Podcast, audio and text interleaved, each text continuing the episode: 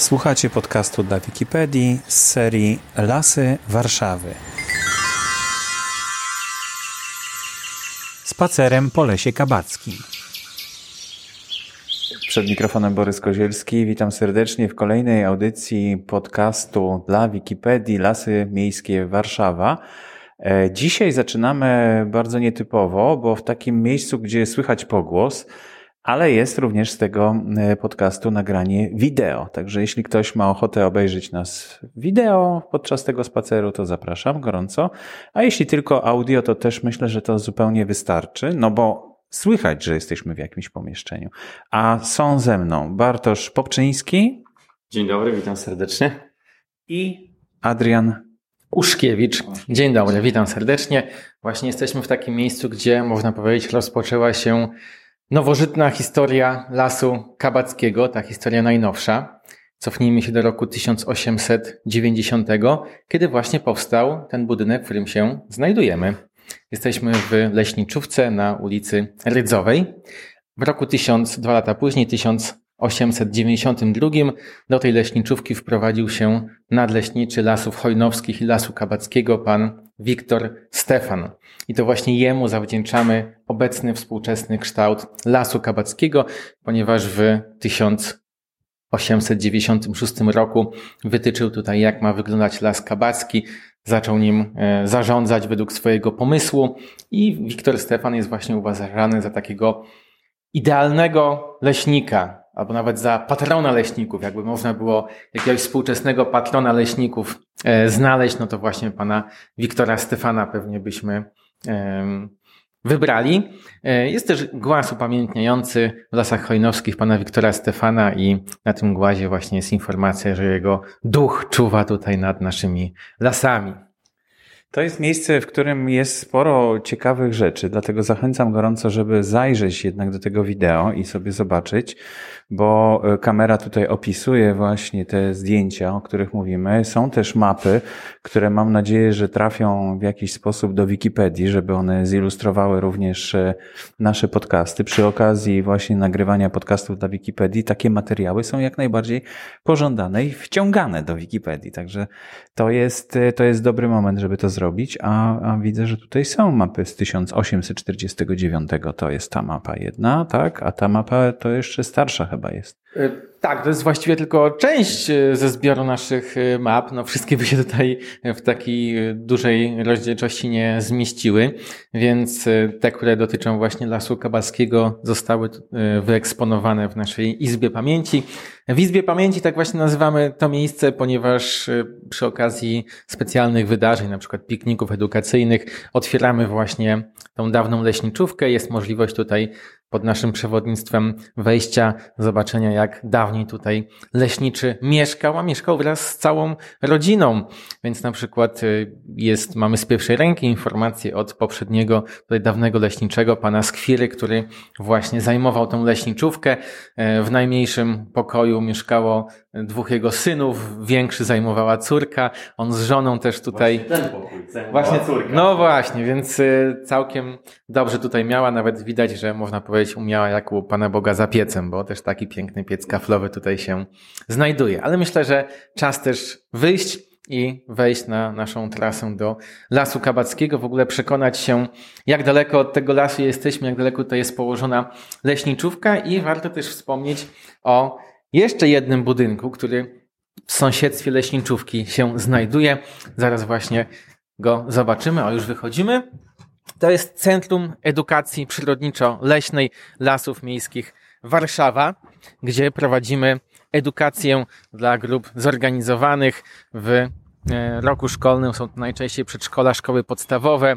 W lato, tak jak teraz w wakacje, przyjeżdżają nas grupy z lata w mieście, a w weekendy też odwiedzają nas e, indywidualni goście na ulicy Rydzowej 1A i można tutaj dojechać autobusem 519.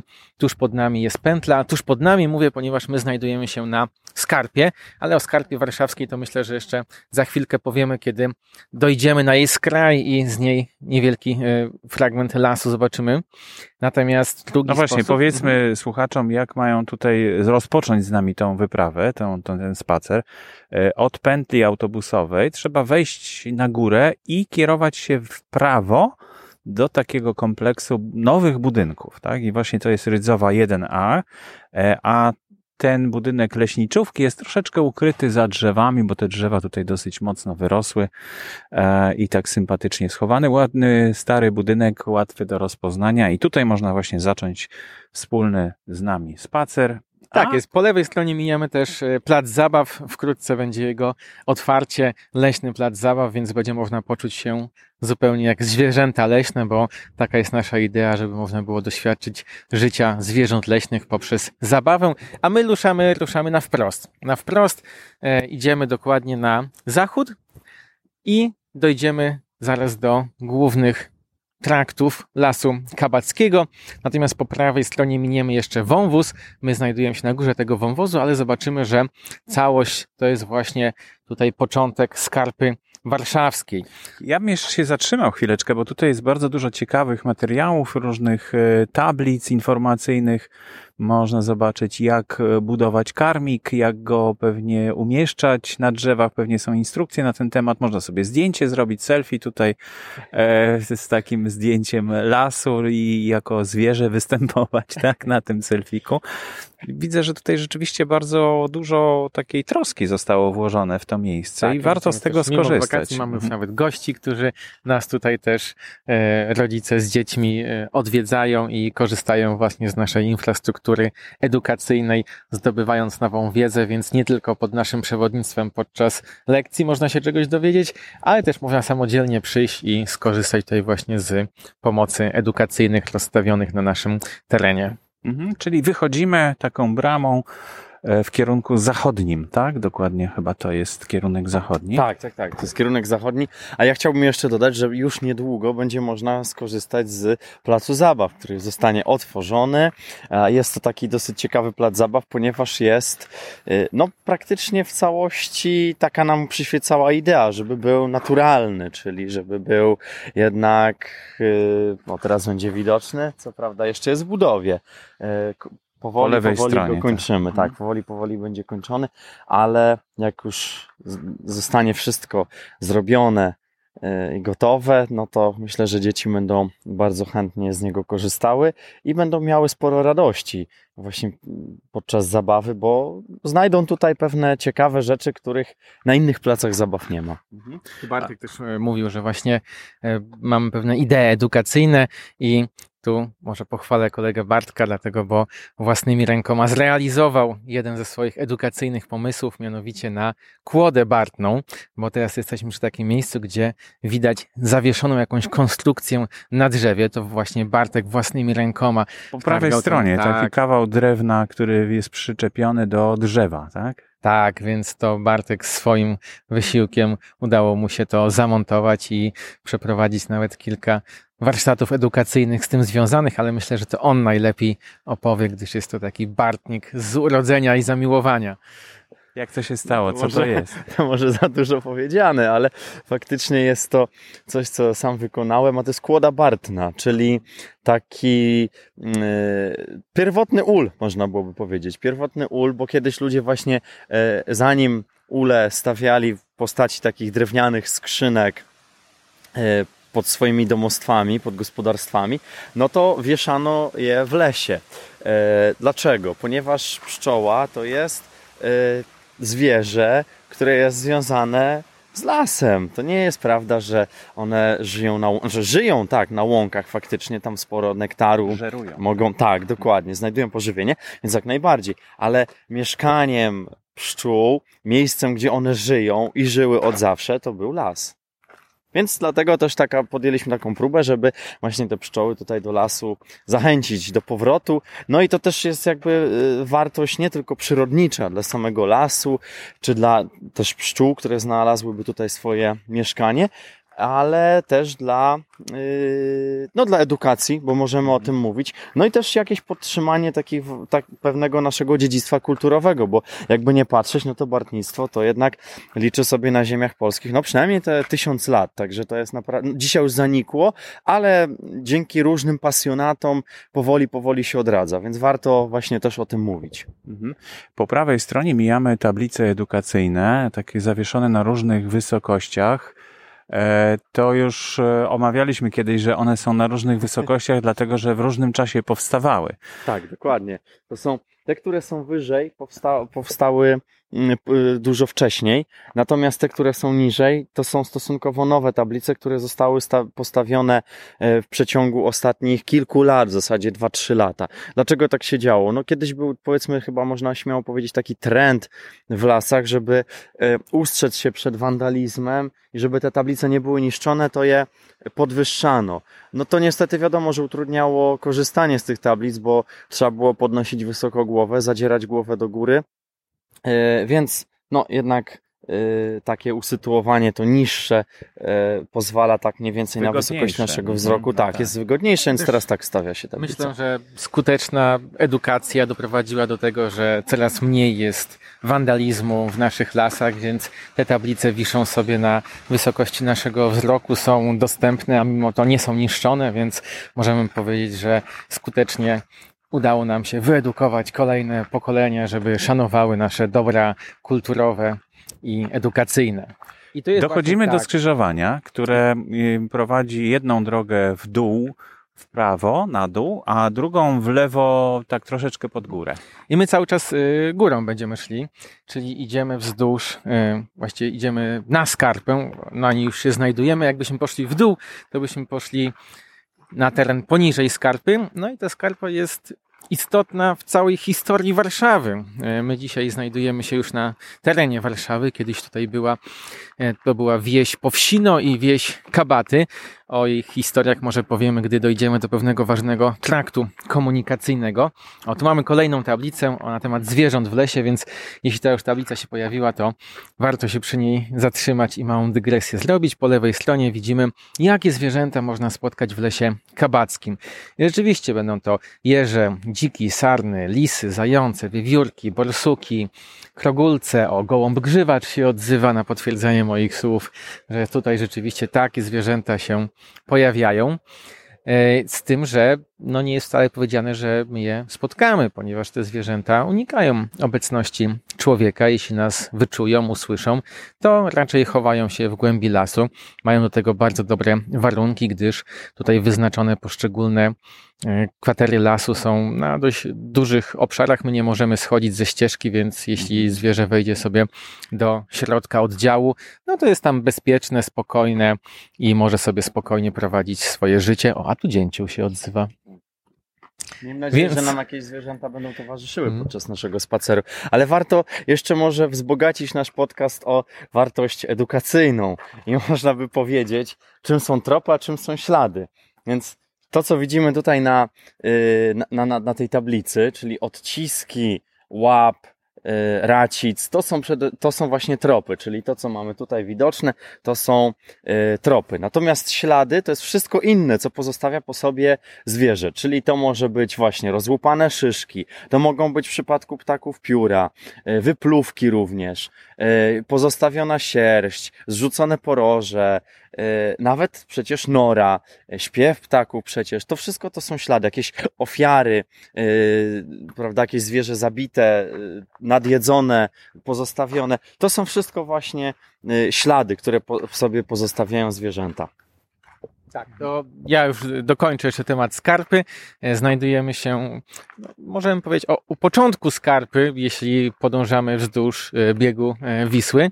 Skarpa na terenie warszawskim ma długość 301 kilometrów i jest zwana albo skarpą wiślaną, albo skarpą warszawską. Miała niebagatelny wpływ na pierwsze osadnictwo. To dzięki właśnie skarpie warszawskiej udało się założyć Warszawę. Chroniła z jednej strony od Wisły. Z drugiej strony łatwiej było się bronić, więc miała też jakieś funkcje obronne. No i trzeba pamiętać też, że miasto położone nad rzeką, raz, że miało bardzo dobry szlak komunikacyjny, a dwa, że rzeka dostarczała pożywienia, wody ale to nie jest skarpa, która jakoś zbudowana była przez człowieka, to jest po prostu e, chyba do rzeczy, tak? Wisły, czy... E, nie, to jest taka e, skarpa Doliny Środkowej Wisły, która w sposób naturalny powstała, więc człowiek tylko ją wykorzystywał, gdy zobaczył, że to są tak dogodne warunki. I ona ciągnie się mm, aż do Zakroczymia, tak? Zdaje się, to jest te trzy, ile to jest kilometrów, już mówiłeś? E, do Zakroczymia ciągnie się trakt, natomiast Skarpa e, ciągnie się przez 31 kilometrów. 31 kilometrów, e, tutaj trochę poniżej Lasu Kawackiego się zaczyna, kończy się, no zresztą my byliśmy tam, gdzie się kończy, bo w Lesie Młocińskim przecież byliśmy i tam już jest jej kres, Teraz natomiast doszliśmy do kolejnej tablicy edukacyjnej, przy której się zatrzymamy. Dotyczy ona owadów w naszym lesie, a konkretnie jednej grupy owadów, czyli mrówek. Mrówek, które mają tutaj niedaleko swoje mrowisko, więc to nie jest taka tablica czysto teoretyczna, ale też połączona z praktyczną stroną, którą w naszym lesie można znaleźć, bo możemy też te mrówki obserwować z bezpiecznej, ale jednak niedalekiej odległości, tuż obok tablicy w konarze drzewa założyły mrowisko. Ale co było wcześniej? To mrowisko czy ta tablica? Właśnie, to jest dobre pytanie. I tutaj wcześniej oczywiście było mrowisko. Powstało mrowisko w takiej, wycię... takiej karpinie przeniesionej, bo yy, przeniesionej na bok drogi yy, i później postanowiliśmy e, tutaj dostawić tą tablicę, żeby ktoś, kto chciałby więcej się czegoś dowiedzieć o mrówkach, to miał taką szansę. Ale z kolei jak ostatnio nagrywaliśmy podcast w Lesie Sobieskiego, to mieliśmy sytuację odwrotną, czyli tam już tablica stała, a właśnie pod tą tablicą, tak jak to Adrian się śmiał, podpisaliśmy umowę z mrówkami i mrówki wybudowały mrowisko pod ławką, więc czasami też i zwierzęta mhm. bardzo dobrze interpretują nasze zamiary, dokładnie tak. No, można tutaj rzeczywiście obserwować na filmie, widać było te mrówki bardzo tak, dokładnie, tak. szczegółowo. No, do środka nie zaglądamy, ale mamy przekrój na tej tablicy, możemy tak sobie domyślić się, co tam w środku jest. Ja polecam gorąco podcast e, Nauka XXI wieku na temat mrówek który sam trwa około godzina 20 minut, więc jak ktoś szczegółowych informacji na temat mrówek potrzebuje, to tam zachęcam. Również o y, pszczołach, które wlasają do lasu. Jest podcast z serii Nauka XXI wieku. One również trafiają do Wikipedii, więc to też są podcasty dla Wikipedii. E, jeszcze Czyli... Może, mhm. Jeszcze może warto zaznaczyć, że y, z racji tego no mamy lipiec, co prawda dzisiaj wcale nie jest upalny dzień i właśnie dzięki temu mogliśmy te mrówki obserwować, bo y, gdyby był upał, to one by się chowały, pochowały i w ogóle byśmy ich nie mogli zobaczyć. A teraz, z racji tego, że ta temperatura no nie jest zbyt wysoka, jak na lipiec oczywiście, bo w ogóle jest ciepło, ale jak na lipiec to nie jest zbyt wysoka, no to te mrówki teraz były cały czas aktywne i można było bez problemu zobaczyć. Tak, bo wcześniej jakoś rzeczywiście byliśmy tutaj już mhm. raz y, i było gorąco, to faktycznie było trudno znaleźć. Dochodzimy do kolejnego skrzyżowania, tak. bo tych skrzyżowań tutaj jest y, sporo i jak spojrzymy na mapę Lasu Kabackiego, no to on jest taki bardzo uporządkowany, prawda? Takie są uliczki Uporządkował go właśnie pan Wiktor e, Stefan, więc e, jemu zawdzięczamy mhm. współczesne e, wydzielenia. Natomiast dochodzimy do chyba najważniejszej drogi kształtującej nie tylko Las Kabacki, ale całą okolicę i Warszawę, ponieważ dochodzimy do ulicy Nowoursynowskiej, której historia, początki, nie jako ulicy, tylko jako traktu, sięgają X, IX wieku, kiedy to e, powstał trakt handlowy, który później połączył Zakroczym z Czerskiem. Więc, strasznie stara jest ta droga z tego No właśnie, więc jest to naprawdę kawał historii właściwie całego regionu, e, ważne daty w historii Polski, ważne wydarzenia i osoby związane z tym miejscem. Niedaleko, kawałek dalej, jakbyśmy na północ poszli, Nowoursynowską, doszlibyśmy do e, Jazdowa. W Jazdowie w XIII wieku e, był gród, który właśnie chronił ten trakt, a właścicielem tego grodu była rodzina Ciołków. I to z tych Ciołków, którzy potem byli właścicielami Kabat, i Powsina. Powsino, tak się nazywała wieś, Kabaty też się tak nazywała wieś, której, którą właśnie zarządzała rodzina Ciołków i myślę, że tutaj warto przytoczyć trzy postaci bardzo ważne w naszej historii. Andrzej Ciołek, Wygant Ciołek i Stanisław Ciołek, e, dwu, bracia.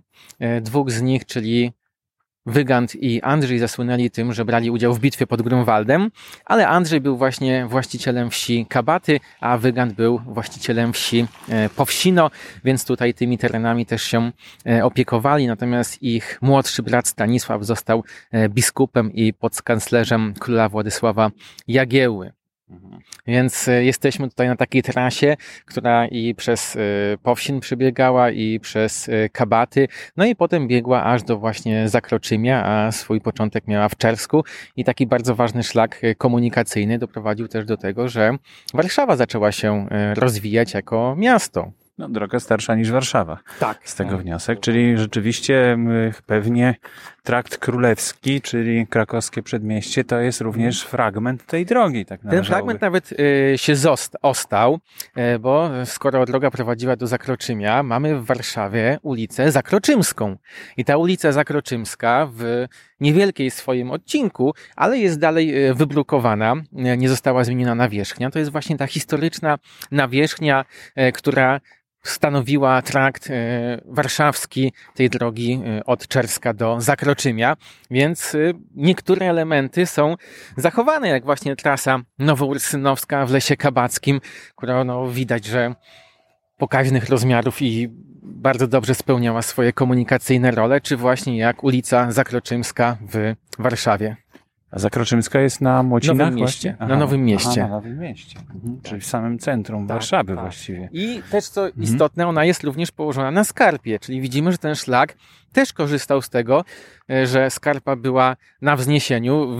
Wypiętrzenie skarpy to jest w zależności od odcinka od 5 do nawet 23 metrów na średni poziom e, tutaj e, Niziny Mazowieckiej, więc bezpiecznie można było, nie zważając na powodzie czy wylania Wisły, tędy podróżować. Mhm. Doszliśmy, po lewej stronie mamy plac zabaw, tak? To jest chyba, bo tak jest opisany tutaj regulamin placu zabaw, więc yy, no nie wygląda to na plac zabaw, tylko raczej na takie miejsce do posiedzenia.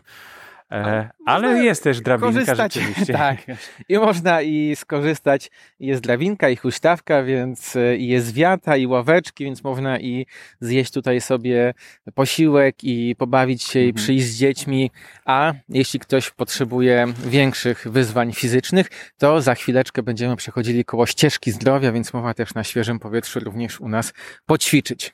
Doszliśmy do szlabanu, który sugeruje, że dalej to już samochodem na przykład wjeżdżać nie można chyba tutaj też nie można wjeżdżać. Nie, tu tylko e, służby leśne mogą e, wjeżdżać i oczywiście służby sprzątające, które zajmują się e, odbieraniem nieczystości z, z koszy na śmieci, które są w lesie kabackim, no bo oczywiście nie śmiecimy, wyrzucamy wszystkie śmieci albo zabieramy ze sobą, albo wyrzucamy do koszy. Kosze na śmieci w lesie kabackim są, no i są regularnie opróżniane, więc staramy się las zachować w czystości. Te, te samochody, które widzieliśmy po drodze, tam na parkingu przy już e, jak gdyby na terenie lasu kabackiego, to były samochody to, dokładnie, to były samochody służbowe. Natomiast warto jeszcze zaznaczyć, że cały Las Kabacki jest objęty taką formą ochrony przyrody, która się nazywa rezerwat. To jest w zasadzie w takiej klasyfikacji ważności to jest y, druga kategoria, bo w zasadzie jeszcze ponad rezerwatem jest Park Narodowy, a potem już mamy rezerwat. W związku z tym, no tutaj właśnie Las Kabacki jest cały objęty tą formą, cały jest rezerwatem. Y, w związku z tym, no tutaj wielu rzeczy niestety robić nie można, no ale to też jest, y, musimy sobie zadać takie pytanie, czy chcemy chronić, czy chcemy korzystać. E, no, to jest dosyć często takie kontrowersyjne, bo mm, prawda, ludzie chcą na przykład wchodzić z psami, wykorzystywać ten las jako park, no ale z jednej strony, z drugiej strony, no musimy pamiętać o tym, że jednak jeżeli chcemy chronić, no to nie możemy pozwolić robić wszystko i wszystkim, tak? Tylko trzeba pewne rzeczy ograniczyć. Określić jakieś zasady, które pozwolą na to, żeby i korzystać, i żeby, żeby ten las mógł dalej funkcjonować i Dokładnie. rozwijać. No właśnie, ale warto też e, sięgnąć do historii, jak to się stało, że w ogóle ostał się las e, kabacki.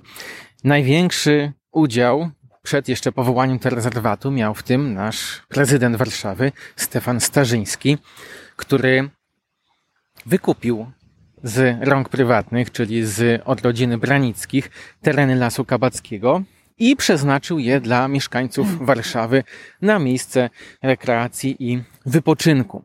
Ale ciekawostka jest również taka, że przed Stefanem Starzyńskim też była jedna ważna osoba, która była właścicielką, bo to była kobieta, Lasu Kabackiego. Była to pani Elżbieta Sieniawska w 1721 roku.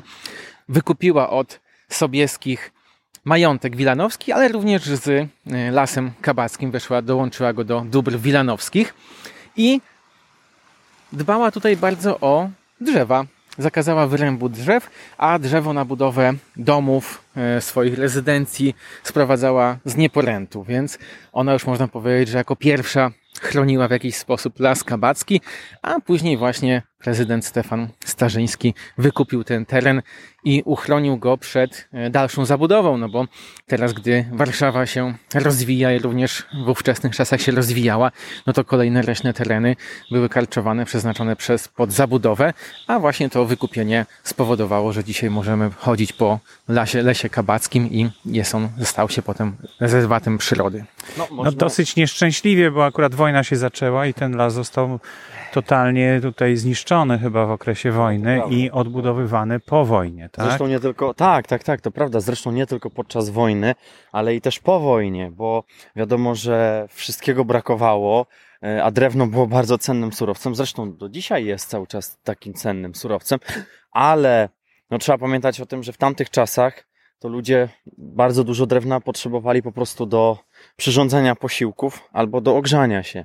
I dlatego po prostu wręcz rabunkowo korzystano z tego lasu. No i bardzo dużo, no w duży, dużym stopniu ten las jednak ucierpiał. No i wiadomo, też okupant dokładnie tak samo też podchodził do sprawy i e, prowadził taką gospodarkę rabunkową. W związku z tym tutaj po prostu z tego, te, ten las po prostu był tylko i wyłącznie magazynem drewna, a warto zwrócić uwagę, że dzisiaj z kolei już pełni zupełnie inną rolę, bo tutaj w zasadzie, jeżeli się wycina jakieś drzewa, to są to przede wszystkim wycinki albo pielęgnacyjne, albo zmierzające do przebudowy drzewostanu, czyli zmiany składu gatunkowego, drzew, albo e, no, żeby, żeby zapewnić bezpieczeństwo, no bo proszę zwrócić uwagę, że my sobie idziemy taką dosyć szeroką drogą, ale naprawdę tutaj bardzo często drzewa lecą na tą, na tą drogę, e, no bo na przykład wieją silne wiatry, drzewa się łamią, w związku z tym trzeba no, cały czas jednak tutaj czuwać i albo uprzątać te drzewa, które zagrażają, albo uprzątać to, co już po prostu poleciało. Więc w takim stopniu głównie się dzisiaj wykorzystuje las kabacki, nazwijmy to gospodarczo. Natomiast taka najważniejsza funkcja e, lasu kabackiego, no to jednak jest ta funkcja rekreacyjna, turystyczna, udostępnienie mieszkańcom Warszawy, z czego zresztą wyraz mamy no już teraz za swoimi plecami, bo tam jak byliśmy na tym takim jednym z główniejszych e, skrzyżowań, na których e, na którym Adrian opowiadał przede wszystkim o trakcie, no to staliśmy w zasadzie o krok od tego słynnego miejsca, które jest znane chyba wszystkim warszawiakom, czyli Polana Rekreacyjna, tutaj w Lesie Kabackim, nazywana też Posinem po prostu. I to jest jedno z dwóch miejsc, warto zaznaczyć, w którym można legalnie palić e, ogień otwarty. Można sobie przyjść, rozpalić ognisko, grilla. No i warszawiacy z tego bardzo chętnie korzystają. E, I licznie tutaj, naprawdę licznie w ciepłe weekendy tutaj przybywają. Doszliśmy teraz do skrzyżowania będziemy znowu udawali się na zachód, bo nie wiem, czy powiedzieliśmy wtedy na tej trasie, że poszliśmy na północ, e, poszliśmy w prawą stronę, tak, teraz tak. skręcimy, tak, powiedzieliśmy, teraz skręcimy w lewą stronę. E, jakbyśmy, była szansa, że idąc tą drogą dalej na wprost, doszlibyśmy do Ameryki. Doszlibyśmy do Ameryki, ponieważ jest to też historia związana z osobą, od której go przydomka bierze e, się nazwa tej ulicy, czyli Julian Ursyn Niemcewicz. Jesteśmy na ulicy Nowoursynowskiej. On e, wykupił właśnie tereny kabackie, stały się jego e, dobrami, jego majątkiem i zafascynowany Ameryką, Stanami Zjednoczonymi, w których był, spotkał nawet prezydenta Waszyngtona, chciał zmienić nazwę e, tego terenu właśnie na Ameryka, więc no, nie spotkało się to z przychylnym pojęciem, przyjęciem, raczej była jego taka e, jakiś chwilowy kaprys, a po prostu teren, e, który on potem zawiadywał nim, zyskał miano Ursynowa. Tak, Ursynowa, czyli od przydomku rodziny Niemcewiczów, właśnie Julian Ursyn Niemcewicz, teren Ursynowa. My natomiast skręcamy w lewo. I tutaj też znajdujemy, tak jak w innych lasach, oznaczenia przeciwpożarowe, tak? To znaczy dla, dla służb pożarowych, na przykład W57 widzę tutaj chyba jest, to jest takie oznaczenie, tak? tak droga przeciw, przeciwpożarowa, czyli tutaj również można się no, są miejsca odpowiednio wyznaczone, żeby szybko dotrzeć do odpowiedniej służby dotarły w razie pożaru. No i mamy też oczywiście słupki oddziałowe. O nich już nie chciałem mówić, ale widzimy, że na skrzyżowaniu po naszej prawej stronie znajdował się. Dochodząc do skrzyżowania tak. po prawej stronie, taki jak to jest, będzie północno-wschodnia, tak? Część. E, południowo-zachodnia. Słupek jest w południowo-zachodnim, e, zachodniej części oddziału i on wyznacza poszczególne numery oddziałów, tak jakby jeśli to byłby wyobrazić sobie, że on ma cztery twarze, to każda jego twarz mm. patrzy się na odpowiedni oddział, który on wyznacza. Idziemy teraz na zachód. Idziemy na zachód, e, później skręcimy na kolejnym rozwidleniu w prawo, na północ i dojdziemy już do końca lasu e, kabackiego. Wejdziemy właśnie na ostatnią stację metra, którą również można się jako środkiem komunikacji do lasu kabackiego dostać. O tym myślę, że powiemy sobie, jak już będziemy bliżej. Natomiast idąc dalej tą e, ulicą, doszlibyśmy do miejsca, w którym 25 lipca 1939 roku miało miejsce wydarzenie, które zaważyło na losach całego świata. Było pewne spotkanie. Mamy teraz 25 lipca, będziemy mieli równą 80. rocznicę tego mhm. spotkania, a było to spotkanie służb wywiadowczych Wielkiej Brytanii ze służbami wywiadowczymi e, Polski. I na tym spotkaniu zostały przekazane służbom brytyjskim złamane szyfry do Enigmy, ponieważ idąc dalej w tym kierunku doszlibyśmy do ulicy Leśnej. Na ulicy Leśnej znajduje się w lesie, w, w samym środku lasu znajduje się jednostka wojskowa. Od roku 1937 zostało tam e, przeniesione troje e, naszych polskich matematyków, którzy mieli zadanie rozpracować kody Enigmy. Udało im się to i właśnie w 1939 roku w lipcu przekazali te rozpracowane kody Brytyjczykom. No tak, żeby uniknąć ich e, z utraty kompletnej, prawda? Żeby przekazać w ręce aliantów i gdzie będą bezpieczne. Tak, i nawet e, Winston Churchill mówił, że e, dzięki rozpracowaniu Enigmy na pewno skrócono wojnę o dobrych 4-5 lat, a może i właśnie dzięki temu ją nawet wygrano. Mhm. Co tutaj widzimy w lesie na tym pierwszym piętrze, albo powiedzmy na parterze, tak? Bo to Chyba jest parter na samym dole. No tak, generalnie tak by trzeba było powiedzieć. Ja jeszcze chciałbym zwrócić uwagę, bo tam nie chciałem przerywać, a była takie, było, były pewne zwierzęta, o których warto też wspomnieć, bo się tak dosyć intensywnie odzywały. Mam podejrzenie, że to była cała rodzina e, sikorek. E, nie wiem dokładnie, czy rodzina, ale na pewno było ich całkiem sporo e, i odzywały się w takim, w takim właśnie zgromadzeniu, ze sobą tam rozmawiały. Natomiast, e, no, warto zaznaczyć, że mamy przecież lipiec i teraz już taki generalnie milkną, one już tak intensywnie się nie odzywają, jak na przykład w kwietniu, prawda, czy jak w maju byśmy tutaj przyszli. To już jest co innego, tylko gdzie nie, gdzie gdzieś tam się jakiś ptaszek odzywa. Ale to tak przy okazji. Wracając do tego, co mamy tutaj na samym e, dnie, no to jak idziemy tutaj przy lesie, e, przy, przepraszam, tą drogą i widzimy po jednej i po drugiej stronie są takie charakterystyczne rośliny i to są niecierpki drobnokwiatowe. Niecierpki drobnokwiatowe, których jest tutaj cała, całe mnóstwo i one są gatunkiem inwazyjnym. To jest właśnie to, co widać tutaj. Z takimi żółtymi niecierpek. kwiatkami. Tak, tak, tak? Nie, nie, tak, dokładnie, że zresztą widać, że ten kwiatek naprawdę jest niewielki. Niecierpek drobnokwiatowy. No i właśnie, czego one nie cierpią? One nie cierpią one nie cierpią, no właśnie, może się Dotykania. uda tak, żeby... O właśnie, one w ten sposób się rozsiewają. One, one wystrzeliwują swoje nasiona, w związku z tym bardzo szybko się rozprzestrzeniają. To raz poproszę tutaj na wideo. No to może jeszcze Adrian zaprezentuje.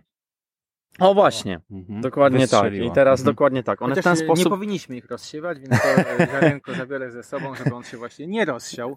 Dokładnie. jest, jest Ale one właśnie chwastem, przez tak? te wystrzały bardzo szybko się e, rozmnażają, roz, za, za, no, zasiedlają nowe, nowe miejsca.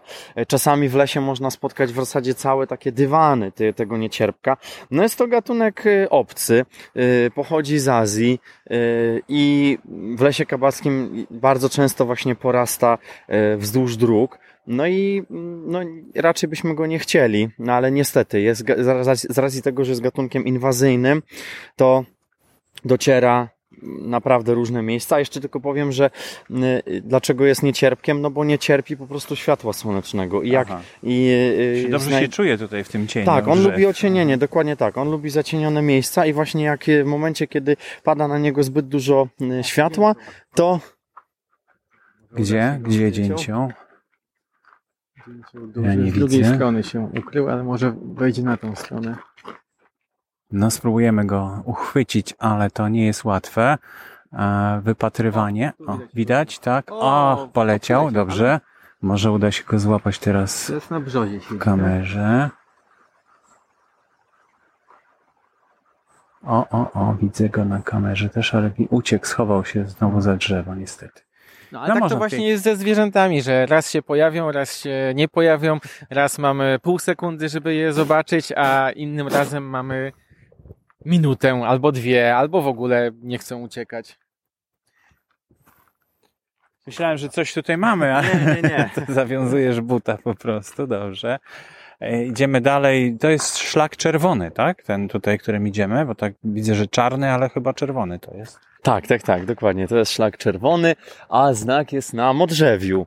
Znak jest na modrzewiu, czyli to jest drzewo iglaste, które zrzuca swoje e, igły na zimę. Nie mylić z tym, że jest suche. ono, ono po prostu tak ma. E, I mamy tutaj w ogóle e, w tym miejscu, gdzie się, gdzie się znajdujemy, to mamy przede wszystkim w ogóle Las Kabaski jest lasem mieszanym, także e, bardzo dużo występuje tutaj e, sosny. I ta sosna właśnie, brzoza widać, prawda, po jednej, po drugiej stronie. Widzimy tą brzozę, świerki też, gdzie niegdzie się zdarzają, e, no, jak widzieliśmy, modrzew i sosna. No to całkiem sporo gatunków iglastych. Nie ma jodły. Jodła to głównie w górach występuje. Tutaj, tutaj raczej mniej. No i jeszcze z takich gatunków, które, e, które też można licznie spotkać w lesie kabackim, to są klony, które też mijamy tutaj, graby e, i lipy. Natomiast warto jeszcze powiedzieć o jednym takim ciekawym gatunku, który się tutaj pojawił, chociaż tak naprawdę nie powinno go tutaj być, bo to jest, bo las kabacki jest poza naturalnym jego zasięgiem. To jest Bóg. Mniej więcej jakbyśmy popatrzyli sobie w tamtą stronę, w, tej, w tym momencie, to oczywiście one są daleko za nami, ale e, przed, daleko mm, w Przed głębi nami. lasu, tak, przed nami, w głębi lasu, więc ich niestety nie zobaczymy. No ale są to takie cztery e, pomnikowe buki, które osiągnęły naprawdę imponujące rozmiary. To są też jedne z najstarszych drzew w ogóle żyjące w lesie kabackim. E, No, można szacować, że raczej na pewno mają około 200 lat. Hmm. E, Także e, no całkiem sporo. E, I e, one tutaj, no właśnie, ostały się. To są takie ostańce. Buków w ogóle całkiem spore w lesie kabackim, ale te są szczególne, bo są bardzo duże. Te rozmiary mają naprawdę niesamowite. No i bardzo dobrze, że zostały, no bo nikt w taki, to świadczy o tym, że jednak nikt ich nie chciał wycinać, nikt nie chciał wyciągnąć po nich swoich dłoni, żeby je e, Przerobić na przerobić meble. na, Mhm. dokładnie, żeby je przerobić na przykład na meble. W związku z tym no do dnia dzisiejszego stoją, można je, można je podziwiać. Co prawda też od razu możemy zaznaczyć, że no bezpośrednio do nich no nie da się dojść ze względu na to, że yy, no jest to, pamiętajmy, rezerwat, tak? Więc poruszamy się tylko po wyznaczonych szlakach, tak jak właśnie tutaj idziemy, po takiej głównej trasie, która łączy w zasadzie wschód z zachodem tego, tego, tego lasu. No i staramy się, pamięta, pamiętajmy o tym, że nie schodzimy ze, ze szlaków wytyczonych, nie wchodzimy sobie tak w głąb lasu, z racji tego, że to jest rezerwat. A przed nami paśnik, czyli miejsce, które służy do, do karmiania zwierząt zimą. Podkreślić trzeba, że zimą, bo tylko wtedy pomagamy zwierzętom. Również to dotyczy ptaków. No tak, to sobie radzą świetnie. Oczywiście, zwierzęta sobie radzą. Znaczy, to, to jest też tak, że zimą one sobie też radzą, prawda? Y, Wiadomo, są pewne problemy. Teraz w ogóle mamy takie zimy, kiedy są, po pierwsze, y, jest mniej, mniej śniegu, y, niższe są temperatury, no wyższe raczej temperatury, bo no rzadko kiedy naprawdę teraz się trafia taka zima, żeby można było, mm, nie wiem, na przykład wejść bezpiecznie na jezioro, bo temperatury są rzędu powiedzmy minus 3, minus 5 stopni, a nie minus 15, 15 czy 20. Z, dla, no, dla zwierząt też jest to dużo lepsze. Y, One też w związku z tym łatwiej jest im przetrwać zimę. Niemniej, no, wydaje mi się, że dokarmiać jednak warto z tego względu, że nawet w takich celach edukacyjnych, po to, żeby właśnie móc z bliska obserwować te ptaki, czy chociażby no je, y, ptaki, czy w ogóle inne też zwierzęta, Y, ale to też powiedzmy, że ma taki dodatkowy jeszcze walor, ponieważ y, dokarmiając zwierzęta możemy w pewien sposób zrekompensować im wszelkie szkody, które my wyrządzamy w środowisku.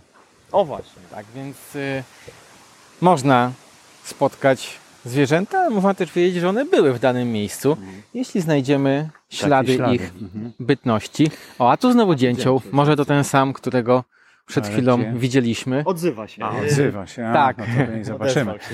Często jest Ale tak, wracając są- do tych właśnie śladów, y, bo to są ślady dzika, tak? Tak jest. To I są one są tak przy drodze. Ja zawsze jak przechodziłem w lesie koło takich śladów, to miałem wrażenie, że tutaj leśnicy coś z- zrobili. ktoś się Tak, że tutaj wykopał. specjalnie coś było zrobione, żeby, nie wiem, poprawić coś. No, chyba, że nasz leśniczy chciał komuś e, kawał zrobić i e, zrobił właśnie takie ślady, a później mówił, że to dzik je zrobił. Ale nie, nie, tak naprawdę to rzeczywiście tutaj mamy I- dziki. I one e, wyglądają tak rzeczywiście, jakby to było zaorane i często przez długi kawałek drogi, wzdłuż drogi, e, tak w tym odcinku, znaczy w tym, tym miejscu, gdzie jest pobocze, jak gdyby takiej Mhm. ścieżki, no to, to tam widać takie zaoranie jakieś, tak? I to, I to dziki właśnie w ten sposób szukają pożywienia, tak? Żołędzi. Tak. E, No, żołędzie to ak- akurat im leżą na ziemi, więc po żołędzie nie ryją, ale ryją przede wszystkim po e, pędraki, po różne bezkręgowce, które pod ziemią na tej płytszej warstwie sobie żyją. No i jak je wykopują, to właśnie się e, posilają tutaj. Mhm. Jakie tutaj drzewa mamy? Bo mówiliśmy już, że to jest mieszany las, em, i iglasty, i liściasty, ale co przeważa i co tutaj jest e, takim najważniejszym drzewem? No przede wszystkim to są jednak las y, kabacki, to przede wszystkim składa się z sosen, y, również dęby mają tutaj spory udział i brzozy. To są takie główne drzewa, które porastają las kabacki. Oczywiście ich jest, y, pozostałych gatunków jest też bardzo dużo, również też i gatunki obce, takie na przykład jak klon jesionolistny czy robinia akacjowa. To też takie gatunki tutaj u nas w lesie kabackim rosną. Natomiast no, las kabacki jest y, lasem, w którym kiedyś prowadzono intensywną gospodarkę leśną. W związku z tym, no, w, tak jak w całej Polsce był taki obecny trend, że sadzimy przede wszystkim sosnę, tak i w lesie kabackim ten trend był y, obecny i tą sosnę sadzono praktycznie przy każdych odnowieniach. E, Czyli tam, gdzie odnawiano powierzchnię po wyrębie, tam właśnie sadzono przede wszystkim sosnę. No jak się później okazało, no ta sosna nie była zbyt dobrym wyborem, ponieważ ona dosyć szybko rosła, całkiem niezłe osiągała wymiary e, i no dlatego była takim gatunkiem preferowanym. Natomiast no, później się okazało, że e, trzeba dopasowywać gatunki do istniejących warunków siedliskowych, czyli na, takie powinny rosnąć takie gatunki, jakie pozwala nam utrzymać gleba. No i w związku z tym tutaj okazuje się, że na, na, w lesie kabackim dużo lepiej y, jest y, sadzić gatunki liściaste, a nie iglaste, takie jak sosna. No i ten las też właśnie te, teraz przechodzi taką przebudowę, żeby właśnie zmieniać ten skład gatunkowy i żeby jednak popierać te gatunki liściaste przede wszystkim, które mogą, które mają większe wymagania niż sosna i mogą śmiało się tutaj też rozwijać. Doszliśmy do takiej tabliczki słupka ufundowanego przez budżet partycypacyjny, czyli na życzenie mieszkańców Tak, chyba, Dokładnie. e, na którym jest napis 7000 metrów z 10 kilometrów, tak chyba to należy Tak, bo tu są, przeczytać. tak, dokładnie. Mieszkańcy korzystają, widać właśnie. Dokładnie. No, pewnie im brakowało takich oznaczeń właśnie, jaka to jest odległość, jaki tu jest kilometraż i dlatego sobie zażyczyli, żeby takie, mm, taką tutaj, takie słupki postawić. Dużo tego jest tutaj, w każdy szlak pieszy jakoś jest w ten sposób oznaczony? To znaczy, są oznaczenia na drzewach, to co wcześniej mijaliśmy i pokazywaliśmy. Natomiast y, są dwie ścieżki biegowe, e, które y, są y, o długości 5 km i 10 km. Ja mam kolegę maratończyka, który korzysta z tych ścieżek i bardzo sobie chwali. E, No i oczywiście y, od 2016 roku, jeśli dobrze pamiętam, e, Las Kabacki został e, w dosyć dużym stopniu udostępniony też rowerzystom. Rowerzyści zaczęli, mogli wjeżdżać w do tej pory nieudostępnione miejsca, e, no bo znaczna większość, tak by trzeba było śmiało powiedzieć, e, tych szlaków została udostępniona dla rowerzystów. I dochodzimy do kolejnego skrzyżowania, gdzie w razie deszczu możemy się schronić też w wiacie, pod wiatą. E, Baliśmy się, że dzisiaj zacznie padać, ale jakoś pogoda jest łaskawa dla nas i każdy ten spacer tak e, jakoś bezdeszczowo, e, chyba że ściągniemy właśnie w tej chwili ten deszcz. I to skrzyżowanie, którym pójdziemy sobie teraz pewnie w prawo, tak? Pójdziemy w prawo, na północ, natomiast warto też powiedzieć, gdzie byśmy doszli w pozostałych kierunkach. No my podążaliśmy od naszego Centrum Edukacji Przyrodniczo-Leśnej Lasów Miejskich Warszawa, czyli trzeba byłoby się cofnąć na wschód, żeby do niego dojść i jednocześnie dojść do ścieżki zdrowia, którą też po drodze mijaliśmy. Jakbyśmy poszli na południe, to dojdziemy właśnie do polany piknikowej, na której można rozpalać ogień. Jakbyśmy poszli natomiast dalej na zachód, to po jakimś czasie doszlibyśmy do ulicy Leśnej. Trzeba byłoby odrobinkę wykręcić, ale to kierunkowskazy by nas pokierowały. Minęlibyśmy naszą gajówkę na ulicy Leśnej, a następnie doszli właśnie do jednostki wojskowej, która jest usytuowana w lesie kabackim.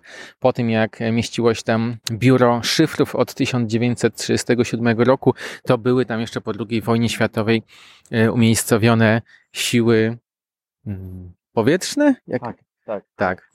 Zarządzania Dokładnie. e, powietrznego. Tak, to jest jedno z głównych centrów, w zasadzie najważniejsze miejsce, e, gdzie są dokonywane, e, podejmowane decyzje najważniejsze, jeżeli chodzi właśnie o nasze powietrze i obronę e, powietrzną. Także tutaj naprawdę e, jest bardzo, bardzo ważna, ważna jednostka wojskowa. A warto też jeszcze zaznaczyć, że budynek, o, o którym wspominał e, Adrian, stoi do dnia dzisiejszego. E, No, oczywiście nie można wejść, niestety, bo jest na terenie jednostki, w związku z tym A, nie, nie Ciągle mamy- czynna jednostka jest. Możemy tak? też Jedna, zobaczyć- jednostka jest trzy- Tak, tak. że mamy kolejny słupek oddziałowy, więc jeśli byśmy się zgubili, to możemy za pomocą tego słupka odnaleźć się w terenie. My natomiast ruszamy na północ i na północ droga zresztą pokazuje, jedzie na, e, droga prowadzi na Ursynów. E, Ursynów od właśnie Juliana Ursyna Niemcewicza, jego dawnej posiadłości, zyskał swą nazwę, a my dojdziemy tą drogą też do ostatniej, właściwie, albo może nawet pierwszej stacji metra, metro Kabaty, od historycznej nazwy wsi Kabaty i taką też komunikacją miejską w postaci metra można się do naszego lasu dostać. No dobrze, ale to y, mówimy tutaj o tym, że można się poruszać po tym lesie, jakieś szlaki są rzeczywiście, ale mapy takiej w internecie chyba nie można znaleźć, która by szczegółowo opisywała Las Kabacki.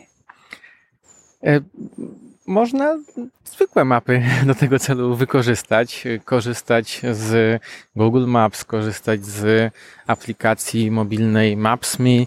Też bardzo dobrze są oznaczone na niej szlaki. Można korzystać z mapy papierowej.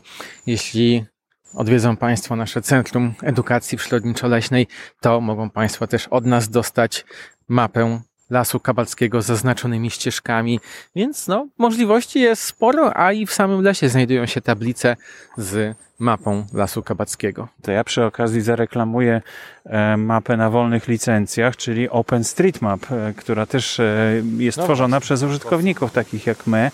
O, widać kosa teraz, tak, który Tak, tutaj samica. rozgarnia sobie. Tak, samica. Na filmie będzie troszeczkę widać tego kosa. No, kosa to chyba na każdym podcaście spotykaliśmy. Tak, tak. To, to jest jednak taki ptak, który chyba zawsze się, Tak, się nam pojawiał. Tak, to jest tak symbol naszych podcastów, Ale dokładnie. trafiliśmy też w miejsce e, pamięci narodowej chyba, No tak, dokładnie. To jest z kolei mm, nagrobek. Ko- kolejny tak. po lewej jest, stronie od drogi. Tak. Żołnierz AK NN poległ za wolną Polskę. Tak, to jest nieznany żołnierz i to jest grób symboliczny. Warto zaznaczyć, że to jest grób symboliczny, czyli tutaj szczątków żadnych nie ma. Były kiedyś faktycznie, ale zostały przeniesione. Zresztą tam jest taka adnotacja, e, że prochy przeniesiono na powązki wojskowe i tam jest dokładna też kwatera, więc y, jest dokładny adres, y, pod który trafiły te, te, te prochy y, żołnierza. Natomiast warto zwrócić uwagę na jedną rzecz, bo bardzo często ta mogiła figuruje gdzieś na mapach, czy w ogóle w takich przekazach ludowych, nazwijmy to, że to jest y, mogiła powstańcza. No ale jak popatrzymy sobie na datę, to jest, widnieje tam 29 lipca y, e, 1944 roku. E, No i y, każdy doskonale wie, że no, jesteśmy w zasadzie już za mniej jak miesiąc. Będzie 75. rocznica wybuchu Powstania Warszawskiego i wiadomo, że miało to miejsce 1 sierpnia, czyli de facto ten człowiek został najprawdopodobniej rozstrzelany y, tutaj Jeszcze przed jeszcze przed, tak, jeszcze przed powstaniem. Niemniej na pewno, no jakby tutaj, yy, więc może do końca nie można go nazywać powstańcem, ale na pewno no, żołnierzem, który działał na pewno w konspiracji, który pewnie do tego powstania się też przygotowywał. Ale więcej szczegółów niestety nie znamy. Kto to był, jak doszło do tej śmierci, dlaczego on się tutaj w ogóle znalazł, mm, tego nie wiemy. Miejmy nadzieję, że może kiedyś tajemnice Lasu Kabackiego, w tym również i ta, zostaną odkryte. Mhm. Dzisiaj jest y, 9 lipca Tak jest. 2019 roku. Jest godzina, nie wiem, chyba przed 11 e, rano. I widać, że całkiem sporo ludzi tutaj już korzysta. Mm, Jest taki przyjemny chłodek, troszeczkę upały zelżyły nam ostatnio z tych 30 kilku stopni do 20 mniej więcej. No tak, dokładnie. Jest, jest w miarę sympatycznie. Nie ma upału. Jest tak y, sympatycznie lipcowo, nazwijmy to. Spokojnie w lesie, naprawdę spokojnie. Czuć, że y, wiele się, y, no zwierzęta też teraz mają taki swój czas odpoczynku raczej. Mm, Natomiast ja bym chciał jeszcze nawiązać, jak już powiedziałeś o tej dacie, no to jeszcze może nawiążemy historycznie, no bo tak się składa, że 9, ale nie lipca, ale za to maja, czyli dokładnie dwa miesiące temu, a, a jakby chcieć dokładnie przytoczyć datę, kiedy miało miejsce to tragiczne wydarzenie, to będzie 32 lata temu i dwa miesiące temu dokładnie. I też nawet godzina jest bardzo podobna, bo to miało miejsce godzinie 1, w ogóle łatwo zapamiętać, bo to była godzina 11, minut 12, sekund 13, czyli 11, 12, 13. I to było o tyle e, no, jedno z najtragiczniejszych w ogóle wydarzeń, ponieważ wtedy właśnie e, doszło do katastrofy w Lesie Kabackim. Rozbił się e, samolot Kościuszko IU-62M. E, wszyscy pasażerowie zginęli w liczbie 183 osób. No i chyba takie najbardziej znane słowa, które przeszły do historii i charakteryzują właśnie tą katastrofę, to były ostatnie słowa pilotów albo pilota, e, które brzmiały e, do widzenia, dobranoc, cześć, giniemy. E, No i to było właśnie takie, mm, te, te słowa jakby też pokazują, że się wydaje takie wielkie do samego końca w zasadzie opanowanie tego pilota, ale też i wielką kulturę tego człowieka, no bo yy, prawda, nie było tam żadnych, nie wiem, przekleństw ani e, jakichś e, innych słów, tylko po prostu tak z, w zasadzie ze spokojem, nawet to można odsłuchać, bo to jest na YouTubie, także można sobie tego odsłuchać. Oni do końca, do końca walczyli, żeby jednak ten samolot uratować. No zabrakło dosłownie kilku kilometrów, bo przecież jesteśmy chyba 5 kilometrów, nawet chyba, no jakoś tak mniej więcej to będzie taka odległość od pasa startowego e, na lotnisku Okęcie. No niestety nie udało się dolecieć. Właśnie, czy jest jakieś tutaj miejsce, które mm, upamiętnia y, tę tragedię? Tak, dokładnie, jest, jest miejsce, tylko tyle, że ono znajduje się w zupełnie innym fragmencie tego lasu, e, bo to jest od strony, no tam trzeba było powiedzieć Józefosławia, e, Kierszka. E, Tam właśnie znajduje się takie, taki kamień, jest krzyż. Tam są wypisane też wszystkie nazwiska osób, które zginęły w tej katastrofie. Oczywiście na czele, na samym początku z pilotem, Zygmuntem Pawlaczykiem, ale warto jeszcze tutaj wspomnieć o jednej rzeczy, że e, wiele osób, kiedy przychodzi właśnie tam na to miejsce, do, do, odwiedzić, zapalić znicz, pomodlić się, zostawić kwiaty, mm, szuka nazwiska Anny Jantar. No więc od razu odpowiadamy, że tam nie znajdziemy tego nazwiska, ponieważ e, ludzie często właśnie mylą tą katastrofę z inną katastrofą, w której właśnie zginęła Anna Jantar. A to tutaj, tutaj nie zginęła w Lesie Kabackim. E, No to tak do informacji podajemy. Także miejsce jest jak najbardziej. E, oczywiście już dzisiaj e, ktoś, kto ma niezbyt wprawne oko, no już nie zobaczy. To już trzeba mieć naprawdę miarę e, być opatrzonym z lasem, żeby zobaczyć, że ten las jest troszeczkę inny, ale rzeczywiście te rany w lesie się dosyć no, czas leczy rany i tutaj właśnie to widzimy. Te rany się zabliźniają. Ta wyrwa, która powstała po samolocie, w zasadzie dzisiaj już jest cała zarośnięta.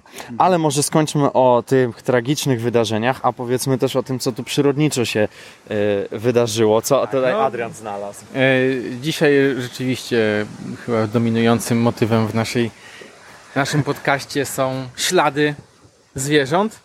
E, I tym razem znowu dzięcioł, dzięcioł e, duży, jego pióra tutaj udało się znaleźć, więc on też nam e, towarzyszył i widzieliśmy go i odzywał się. Jedyne czego nie słyszeliśmy to jeszcze jego bębnienia. Natomiast ptaki pióra po prostu wymieniają. Widać, że te pióra... Gubią, tak? Tak. Widać, że te pióro nie zostało wyrwane, czyli tak, ten dzięcioł nie został pożarty, nie został e, złapany, oskubany, bo wtedy byłoby e, urwany kawałek. Więc jeśli ptak dojdzie do wniosku, że, albo jego organizm w zasadzie, że pióro nadaje się już do wymiany, a pióra się po prostu zużywają, bo ptak ich e, używa podczas latania, to takie pióro wypada, a na jego miejsce rośnie nowe, piękne, świeże. No tak, ale to y, już poruszyłeś ten temat, to, to pociągnijmy go troszkę dalej, bo jeszcze o tym nie rozmawialiśmy, że y, w Warszawie i w ogóle no, w terenach miejskich obserwujemy znaczny wzrost populacji takich y, zwierząt drapieżników, y, ptaków krukowatych. Mhm. E, I nawet na ulicach możemy obserwować niestety zachowania agresywne tych ptaków w stosunku do innych ptaków, do gołębi na przykład. Jak to wygląda? Ja tutaj nie słyszę, na szczęście, i się bardzo cieszę, podczas tych naszych spacerów nie słychać kruków. Chyba w, w, lasie, w Lesie Bielańskim było słychać kruki, A czy, czy krukowate. Może wiem. sobie tak, właśnie od razu e, rozluźnimy, bo w lesie kabackim można usłyszeć, na szczęście, kruka, bo kruka nie zaliczymy do tych, w cudzysłowie, Agresyw- złych, tak? e, tak, e, agresorów, złych ptaków. E, no, kruk też nie opanował miasta i jego populacja nie rozrosła się tak jak jego e, kuzynek, czyli wron i srok. E, Wron i Slok przede wszystkim, bo to one są takie agresywne, a jednocześnie bardzo inteligentne. Krukowate to są, o, mamy deszczyk. Krukowate to są najinteligentniejsze e, ptaki. W eksperymentach nawet wyszło, że potrafią liczyć, potrafią się posługiwać prostymi e, narzędziami, rozwiązywać różne e, zadania, zagadki i wykorzystują tą swoją inteligencję, żeby skolonizować coraz więcej obszarów, a obszary miejskie im bardzo pasują, ponieważ jest tam dużo pożywienia w postaci i tego, co ludzie wyrzucają, i łatwego dostępu do śmietników, ale też, tak jak powiedziałeś, łatwego dostępu do lęgów innych, mniejszych ptaków, na przykład ptaków wróblowatych. E, tak, w lesie nie ma takiego dużego problemu. Rzeczywiście możemy tutaj schowamy spotkać. się, bo tutaj e, rzeczywiście zaczęło spotkać padać. Kruka. Ale w tym wypadku to raczej się e, cieszymy, gdyż nie można mówić o tym, że kruk ma jakąś nadpopulację i że jest go e, za dużo, a kruka też e, łatwiej najpierw usłyszeć niż go zobaczyć, ale nad lasem kowackim jak najbardziej przelatuje. No i kończymy już naszą, nasz spacer. Akurat rozpoczął się taki delikatny deszcz. Jesteśmy pod osłoną jeszcze tego Drzewostanu. drzewostanu, tak, wysokiego piętra e, tego ostatniego i, i tak widać tutaj na polanie, że deszcz pada mocno, a do nas jakoś te krople tak nie docierają jeszcze.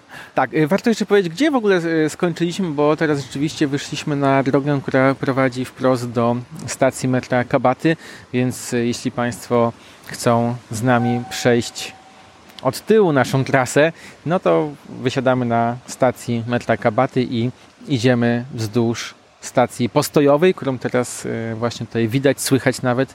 To jest stacja techniczno-postojowa wagonów metra i tą drogą do naszego lasu albo w przeciwną stronę do metra właśnie dotrzemy.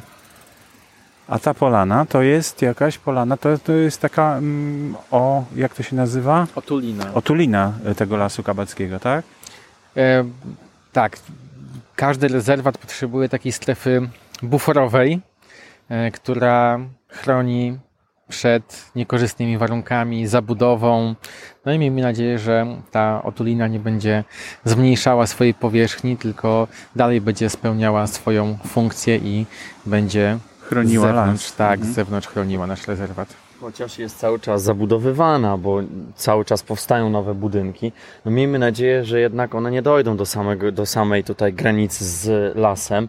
No byłoby to niedobre dla lasu, bo No, wszystko zależy od właściciela chyba tych terenów. No tak, to prawda, z tym, że należy pamiętać, że jednak Las Kabacki jest cały czas coraz mocniej zabudowywany, szczególnie od tej strony właśnie e, Ursynowa, ale też i od strony z kolei Wilanowa, też sądzę, że czeka go taki los.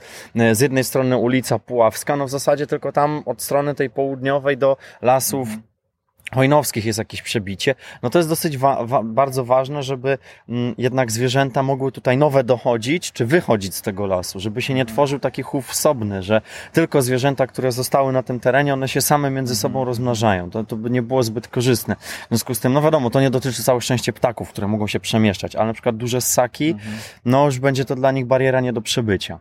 Ale liczmy na to, że do tego nie dojdzie. No cieszmy się z tego, że w ogóle ten rezerwat jest, że ten las istnieje, bo yy, no właśnie to, że został rezerwatem uchroniło go przed wycinką, bo prawdopodobnie mógłby, mogło, mogłoby tu przebiegać drogi albo być wbudowane yy, kolejne osiedla. Także no cieszmy się z tego, co jest.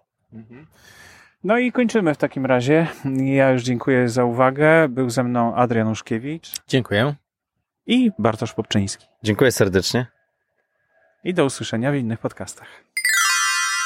To był podcast dla Wikipedii z serii Lasy Warszawy. Zapraszamy do subskrybowania kanału i słuchania poprzez iTunes, czytniki na Androida lub bezpośrednio ze stron Wikipedii w hasłach, których dotyczą audycje. Podcasty Lasy Warszawy wyprodukowane zostały we współpracy z jednostką Lasy Miejskie Warszawa.